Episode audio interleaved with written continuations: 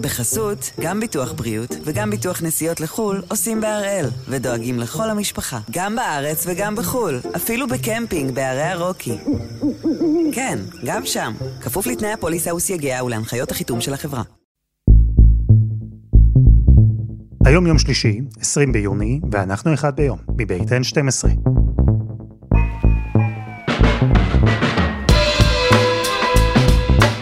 אני אלעד שמחיוף, ואנחנו כאן כדי להבין טוב יותר מה קורה סביבנו, סיפור אחד ביום, בכל יום. שלום הדס. שלום. בחיים הקודמים שלה, הדס חכימי הייתה בכלל מדריכת קיקבוקסינג. לא היה שום סימן לפנייה החדה שתגיע לנושא שהשתלט לה לחלוטין על החיים. ב-2019 היה את פרשת כרמל מעודה, שנחשפנו עליה כל המדינה והזדעזענו. מצלמות האבטחה בפעוטון בראש העין חושפות את התיעוד המחריד שבו נראית הגננת כרמל מעודה מתעללת בפעוטות תחת אחריותה. מהסרטונים עולה כי הרביצה להם וקשרה אותם לכיסא. הסיפור הזה היה מאוד תקשורתי, הוא היה גם בפייסבוק, גם באינסטגרם, כאילו בכל מקום דיברו עליו, אפילו ברחוב, כאילו, אתה יודע, אנשים, אה, כרמל מעודה, כרמל מעודה.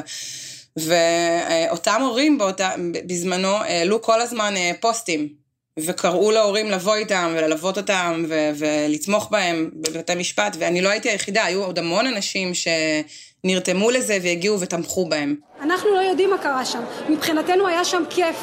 אנחנו קיבלנו סרטונים על ימי הולדת, תמונות של ילדים מאושרים. זה מה שאנחנו ראינו, זו התמונה שהציגו לנו. שלוש שעות הילדים שלנו עמדו עם פרצוף לקיר, כמו חיילים דום. מצאתי את עצמי פתאום אה, מלווה את אותם הורים לדיונים בבתי משפט, להפגנות שהיו בכל הארץ. אני אפילו לא יודעת למה, אני לא יודעת להגיד בדיוק למה, זה פשוט משהו ש, שמאוד מאוד בער בי. כבר אז אני חושבת שפשוט זה, זה, נראה לי שזה פשוט נגע לי בחוויה אישית שלי, לא על הילד שלי. הלכתי גם לבקר כמה מהילדים ו- ולראות אותם בעיניים, כי זה ממש משהו שממש ממש אה, נגע בי. בין דיון לדיון בבית המשפט, בין מפגש או שיחה עם הורים וילדים, הדס נשאבה גם לעיסוק בנושא ברשתות החברתיות. בעיקר לקבוצת פייסבוק אחת שנפתחה באותה תקופה, קבוצה שהתחילה כמקום לשיח בין נפגעי מעון בייבי לאב של כרמל מעודה, אבל די מהר הקבוצה הזו הפכה למשהו גדול הרבה יותר. לשם נצטרפו מאות ואלפי אנשים, אני לא יודעת בדיוק במספר, אבל באמת היו שם המון המון הורים שתמכו. ואז כל אחד התחיל אה, לרשום ולשתף בחוויה האישית שלו ובסיפור האישי שלו. ואני זוכרת את הסיפור הראשון שתפס לי את העין, שהייתה איזה אימא שרשמה אה, שהיא הוציאה את הבן שלה מגן מתעלל בפתח תקווה, והיא לא יכולה לרשום את השם שלו, ושהבן שלה עבר שם זוועות עולם. ופתאום אני מוצאת את עצמי פונה אליה באופן פרטי, ושואלת אותה כאילו באיזה גן מדובר. אז היא אמרה לי את שם הגן, ואז באותה נקודת זמן הבנתי שאני חייבת לפנות לאותה, לאותו הגן, לאותה גננת, ולהציע את עצמי בתור uh, סייעת, כי אני רוצה באמת לראות מה קורה שם. וציידתי את עצמי במצלמה נסתרת, ופשוט הלכתי ועבדתי בגן הזה במשך uh, שבוע ימים. מה ראית שם? וואי, זה היה קשה. אה, היה שם גם האכלות בצורה שהיא נוראית. מאכילים ילדים אה, קטנים בני שנה וחצי ושנתיים עם כף מאוד גדולה ודוחפים להם לפה, תוך כדי ש... תוך כדי שהיא צועקת עליהם.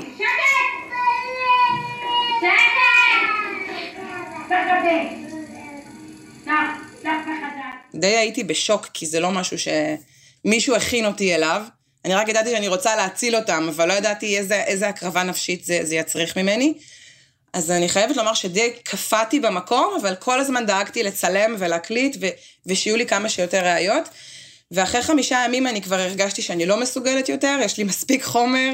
הדס פנתה אז לכתבתנו לענייני חינוך יעל אודם, וביחד, כשהדס ביקשה אז לשמור על עילום שם, הן הציגו במהדורה המרכזית את הסרטונים שצילמה מהגן. היום הגן סגור, והבנתי ששנה או שנתיים לאחר מכן הגן פשוט נסגר, כנראה מחוסר רישום, או אתה יודע, זה פשוט עבר מפה לאוזן, אני לא יודעת בדיוק מה הסיבה. אחרי הפעם הראשונה בפתח תקווה, הגיעה הפעם השנייה. וגם הפעם, הדס נחשפה לעדות בפייסבוק, לא הורה, אלא סייעת במשפחתון באלעד, שסיפרה על הזנחה ותינוקות שבוכים במשך שעות. הדס שוב ביקשה את הפרטים ושוב פנתה לגן וניסתה להתקבל לעבודה. יום למחרת אני כבר סייעת, כן. כלומר, לא ביקשו ממך המלצות, לא שאלו שאלות, לא ניסיון קודם, לא תעודת יושר, כלום. לא, שום דבר. היה עוד גן שעבדתי בו בכיכר המדינה, וגם שם אה, נכנסתי לעבוד ככה, בצ'יק. פשוט אה, שכנה שגרה מעל הגן העלתה פוסט ורשמה שהיא רואה דברים אה, לא נעימים דרך החלון, ונכנסתי ולמחרת כבר התחלתי לעבוד שם. אז גם שם צילמתי אה, שלושה ימים, ופניתי להורים והראיתי להם גם את הצילומים וגם את ההקלטות.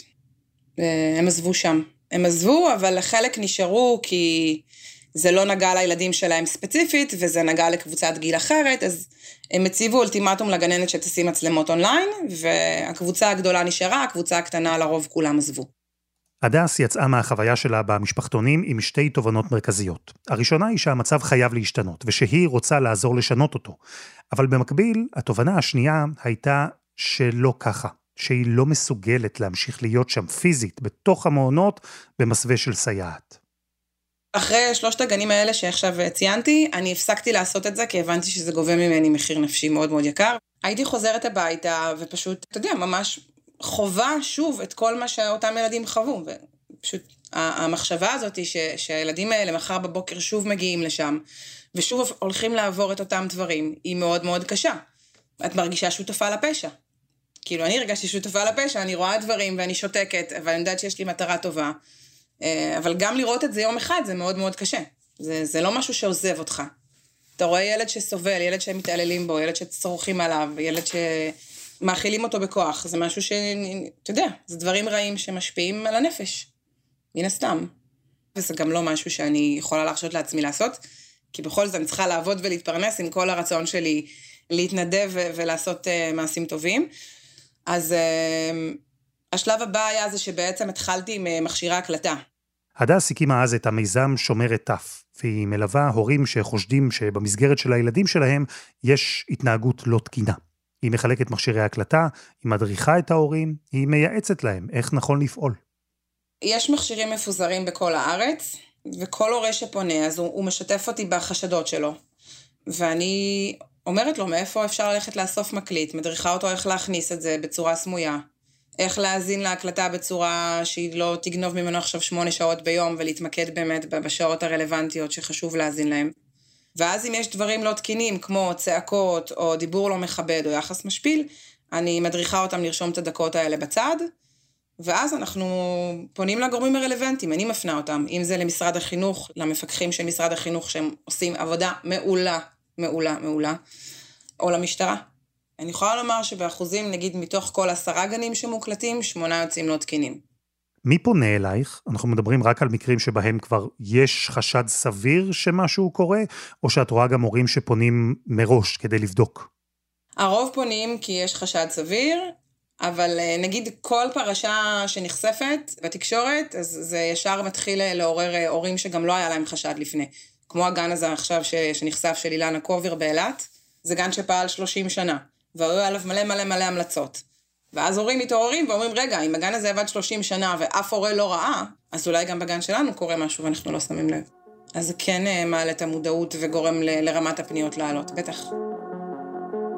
אז כן, עוד מקרה של התעללות מזוויעה ושיטתית בפעוטון, עוד מטפלת שתועדה מכה פעם אחר פעם פעוטות, ועוד פרשייה ששוב מסעירה את המדינה, כמו זו שהסעירה לפניה ולפניה, ואולי חלילה גם זו שתסעיר את המדינה אחריה. אז אחרי שנחשפה פרשיית התעללות בפעוטון באילת, אנחנו שואלים כאן, מה אפשר ומה צריך לעשות כדי שזה יהיה המקרה האחרון.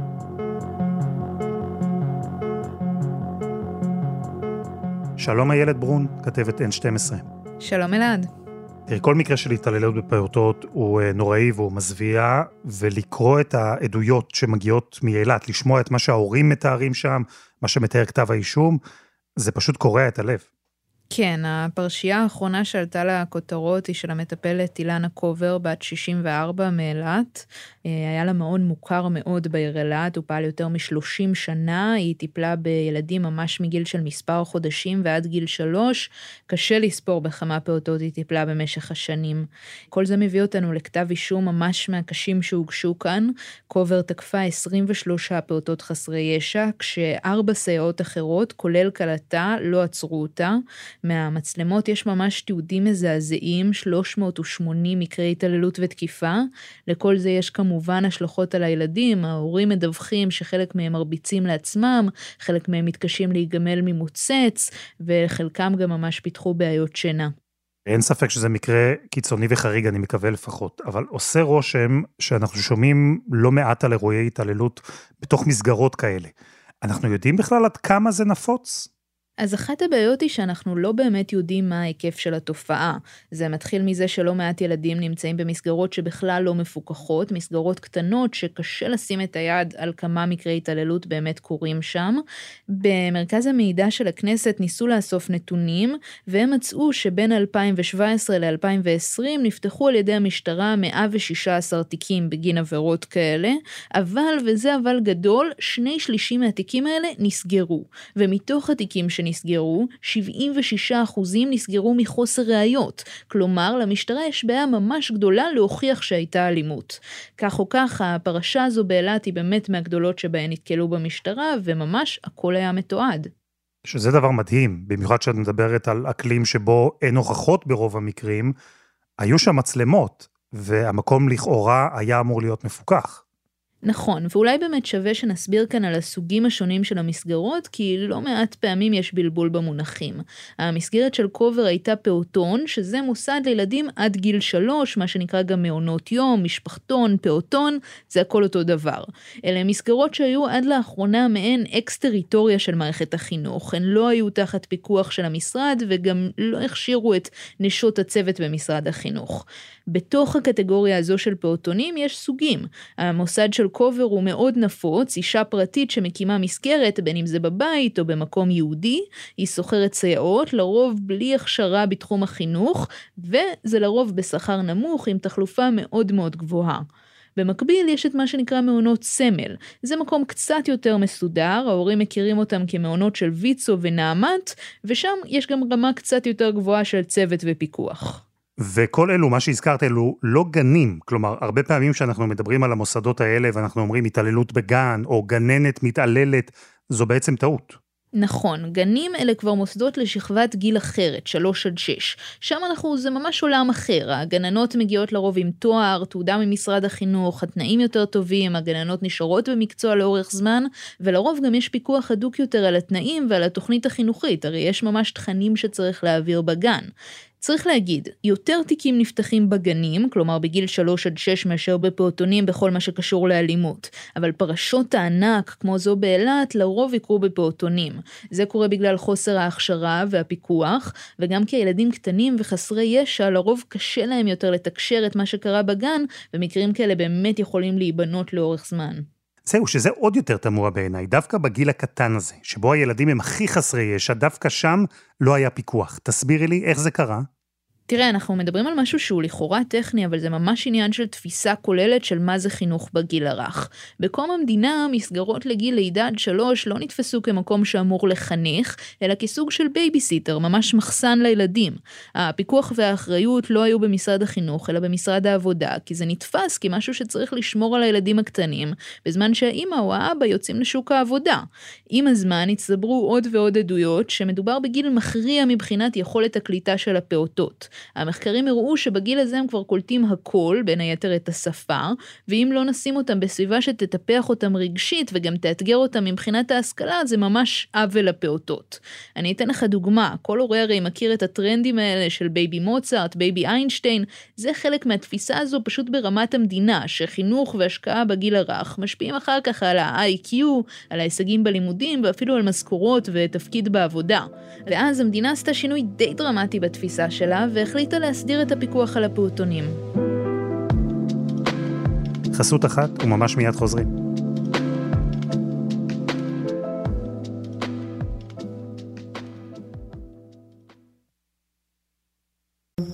בחסות, גם ביטוח בריאות וגם ביטוח נסיעות לחו"ל עושים בהראל, ודואגים לכל המשפחה, גם בארץ וגם בחו"ל, אפילו בקמפינג בערי הרוקי. כן, גם שם, כפוף לתנאי הפוליסה וסייגיה ולהנחיות החיתום של החברה. אנחנו עם הפיקוח על הפעוטונים אחרי עוד פרשה של אלימות והתעללות, הפעם בפעוטון באילת. איילת, עצרנו בנקודה שבה קרה סוויץ' גדול במדינה, בתפיסה של מה זה חינוך לגיל הרך, ואיתו באה גם ההבנה שחייבים להכניס לתוך המעונות פיקוח. מה זה אומר בפועל? נכון, השינוי התפיסתי הזה הוא חלק אחד בפאזל, אבל יש עוד משהו חשוב שקרה והתניע תהליכים. אני רוצה להחזיר אותך לשנים של 2017-2018, יש שורה של מקרי התעללות מזוויעים שמתפרסמים, הנושא הזה עולה לדיון ציבורי, וגם בכנסת מחליטים להתייחס, נולדים שני חוקים שהמטרה שלהם היא לטפל בבעיה הזו מהשורש. איזה חוקים? אז החוק הראשון עובר ב-2018, והוא חוק הפיקוח על מעונות היום. החוק אומר בפשטות אמירה שעד אז ממש לא הייתה פשוטה, לא כל אחד יכול לפתוח מעון, מעכשיו זה דורש רישיון. צריך ניסיון, צריך מקום מסודר, גם אם זה בבית של בעלת המעון, צריך מספר מסוים של נשות צוות לכל ילד, וגם דברים בסיסיים כמו בטיחות באש או קורס עזרה ראשונה. יחד עם הרישיון מגיע גם פיקוח, פקחים של האגף למעונות יום יכולים להגיע, לבדוק את ההתנהלות בהפתעה. לדוגמה, הם יכולים לוודא שיש במעון מספיק נשות צוות, שאין להן רישום פלילי, שלילדים יש איפה לשחק, שאין ליקויים בטיחותיים, היגיינה, כל הדברים מהסוג הזה. צריך להגיד שגם אחרי שעבר חוק הפיקוח, מי שצריך רישיון זה מוסד ליותר משבעה פעוטות. כלומר, משאירים את האפשרות למעונות קטנים, שכונתיים, לפעול ללא פיקוח, וזה חור שקיים עד היום בחוק. החוק השני הוא חוק משלים, חוק המצלמות.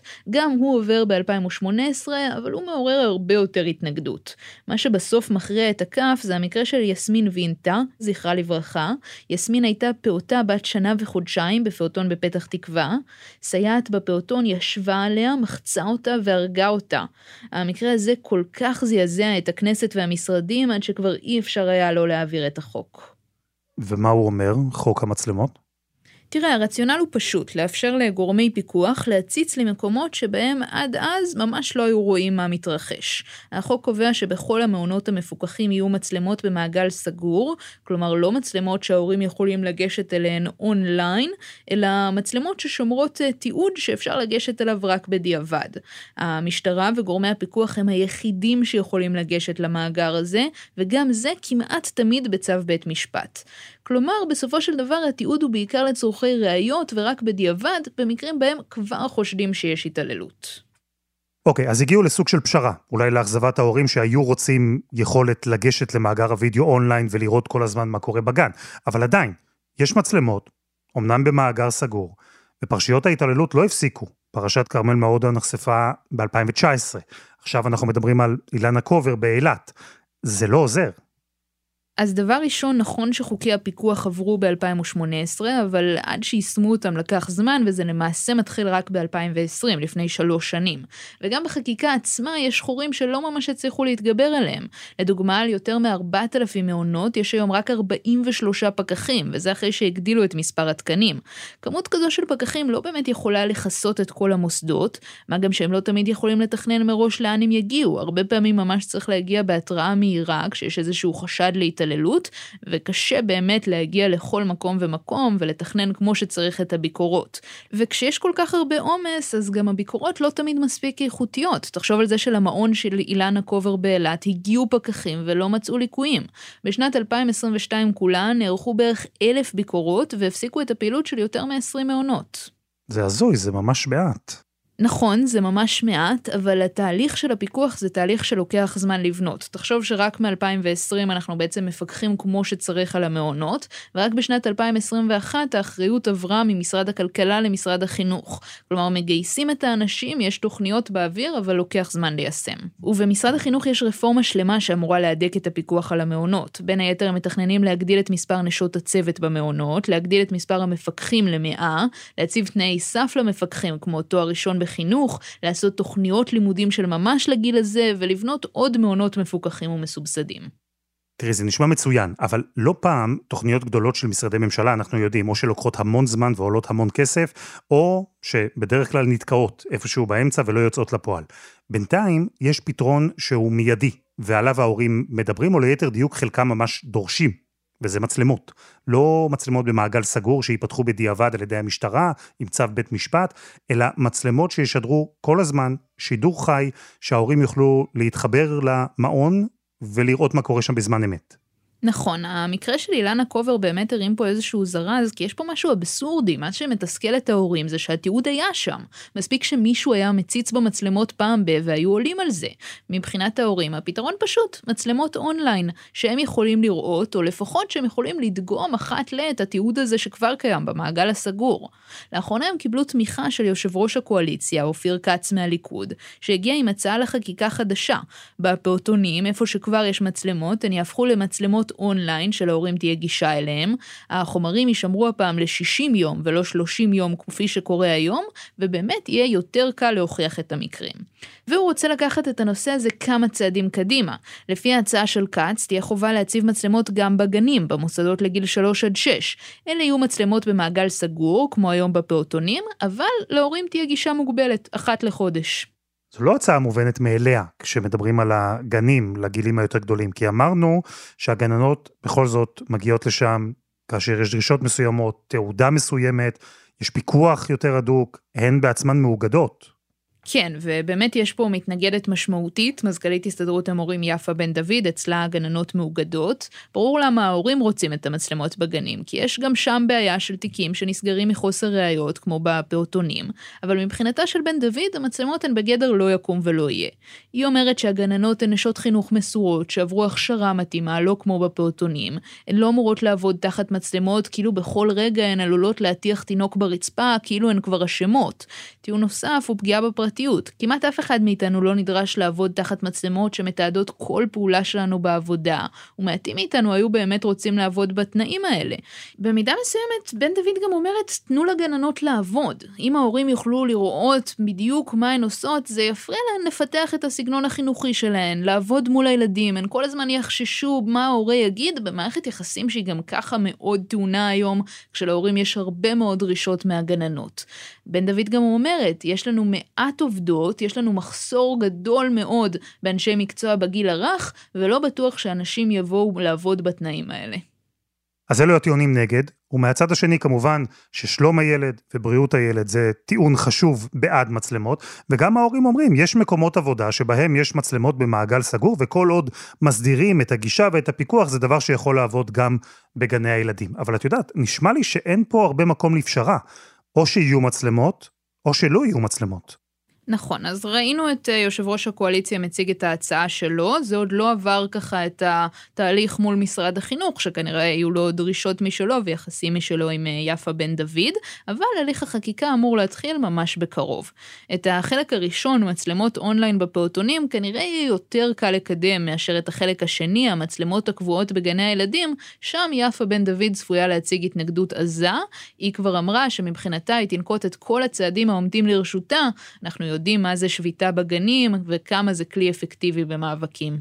תראה אלעד, גם לקראת סיום צריך להגיד, מצלמות הן פתרון חשוב, הן כנראה פתרון הרתעתי, כנראה שגם במקרים שבאמת יש חשד, הן ממש עוזרות להכריע את הכף.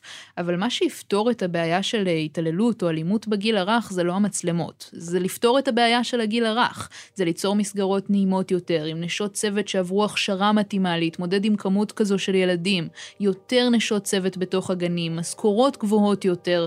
ברגע שנראה את כל הדברים האלה קורים, גם נראה את הפעוטונים הופכים למקום בטוח יותר. הדס, המאבק שלך בהתעללות בפעוטונים וגני ילדים הוא כבר הפך לחלק מרכזי מאוד בחייך. והמטרה בסוף של כולנו, גם שלך, היא שלא תהיה לך בנושא הזה לפחות תעסוקה. לדעתך מצלמות בפעוטונים ובגנים הן הפתרון? כי הוויכוח מתמקד כרגע בהן.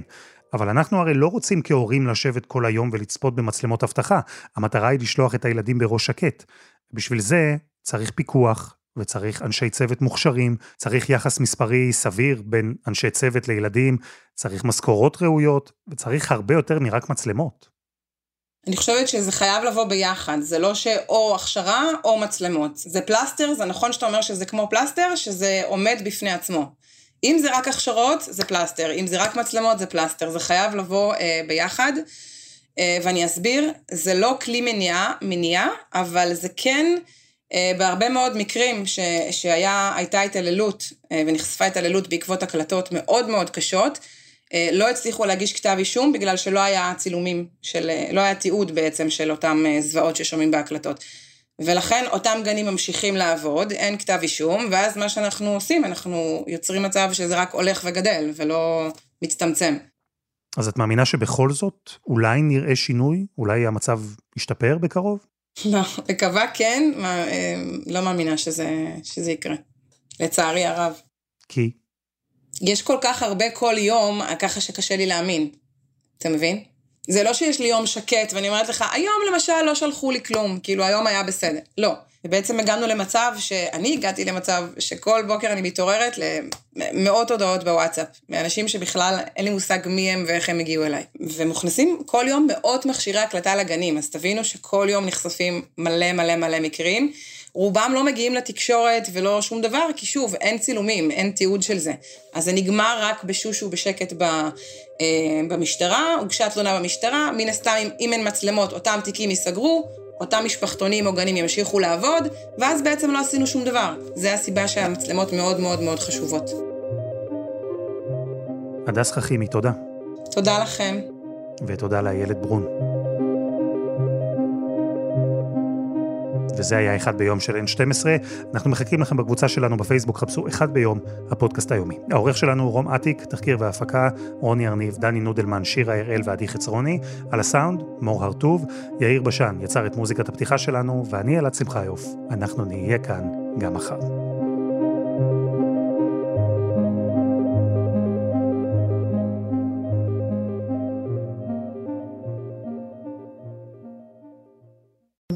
בחסות, גם ביטוח בריאות וגם ביטוח נסיעות לחו"ל עושים בהראל, ודואגים לכל המשפחה, גם בארץ וגם בחו"ל, אפילו בקמפינג בערי הרוקי.